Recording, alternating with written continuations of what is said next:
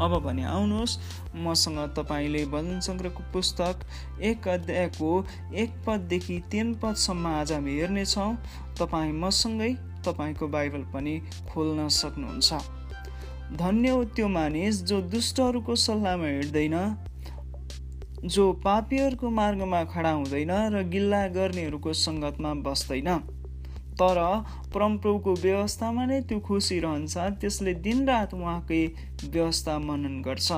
त्यो खोलाको किनारमा रोपेको बोट जस्तै हुन्छ जसले आफ्नो ऋतुमा फल दिन्छ अनि जसका पातहरू कहिले ओइलाउँदैन। त्यसले जे गर्छ त्यसमा त्यो सफल बन्छ। अनि यहाँबाट यो पढिरहँदाखेरि हामीले दाउद जो यसका लेखक हुन् दाउद राजाले अनि दाउद राजालाई चाहिँ यो विषयमा थाहा थियो कि उनी फलवन्त आत्मिक जीवनको बारेमा चाहिँ उनलाई थाहा थियो। त्यसको मूल कारण उनले थाहा पाएका थिए। अनि उनी भन्छन् परमेश्वरको वचन मनन गर्ने मानिस त्यो हो जसले आफ्नो ऋतुमा फल फलाउँछ। ज त्यसले जे गर्छ त्यसमा त्यो सफल हुन्छ। भनेर उनी बताउँछन्। अनि अर्को कुरा उनी बताउँछन् जो परमप्रभुको व्यवस्थामा नै खुसी रहन्छ।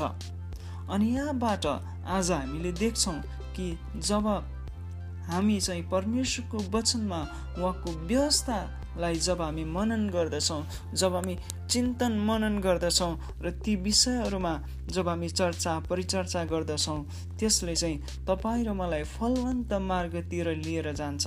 अनि जब तपाईँले हेर्नुहुन्छ यो व्यवस्था चाहिँ सम्पूर्ण हाम्रो जीवनलाई चाहिने कुरा चाहिँ यो व्यवस्थामा थियो। जीवन परिचालन गर्नको निम्ति जति पनि कुराहरू चाहिन्छ विधि विधान नियमहरू अनुशासनहरू सम्पूर्ण कुरा चाहिँ परमेश्वरले उहाँको व्यवस्थामा दिनुभएको थियो यानि उहाँको वचनमा दिनुभएको थियो अनि त्यो कुरामा चाहिँ ध्यान दिनुपर्छ भन्ने कुरालाई बताउँदछन्। अनि उनले यही कुरालाई बताउँछन्। अनि जब दाउद लाई जब हामी हेर्दछौँ उनी पनि एक सफल राजाको रूपमा एउटा असल राजाको रूपमा हामी उनलाई चिन्दछौँ। अनि त्यो भन्ने व्यक्ति त उनी त्यति सफल भए त अब तपाईँ र मलाई पनि त्यो छ। जुन कुरा उनले भनेका छन् परमेश्वरको वचनद्वारा परमेश्वरको आत्माद्वारा प्रेरित भएर आज तपाईँ र मेरो निम्ति यी कुराहरू लेखेका छन्। जब हामी यो कुरालाई पालन गर्दछौँ भने उहाँले परमेश्वरले तपाईँ र मलाई पनि त्यस्तै आशिषित व्यक्तिहरू तुल्याउनुहुन्छ। जसरी दाउदलाई परमेश्वरले आशिष दिनुभयो त्यसरी नै तपाईँ र म पनि शिक्षित व्यक्ति बन्न सक्छौँ। त्यसका लागि तपाईँ र मैले परमेश्वरको वचनलाई चिन्तन मनन र अध्ययन गर्नुपर्छ। आजलाई म यति नै भन्न चाहन्छु र आउनुहोस् म तपाईँलाई धन्यवाद दिन चाहन्छु। यो आवाजलाई सुनिदिनु भयो अनि म विश्वास गर्छु तपाईँहरूले पक्कै पनि यो बिहानी यो कुरालाई मनन गर्नुभयो।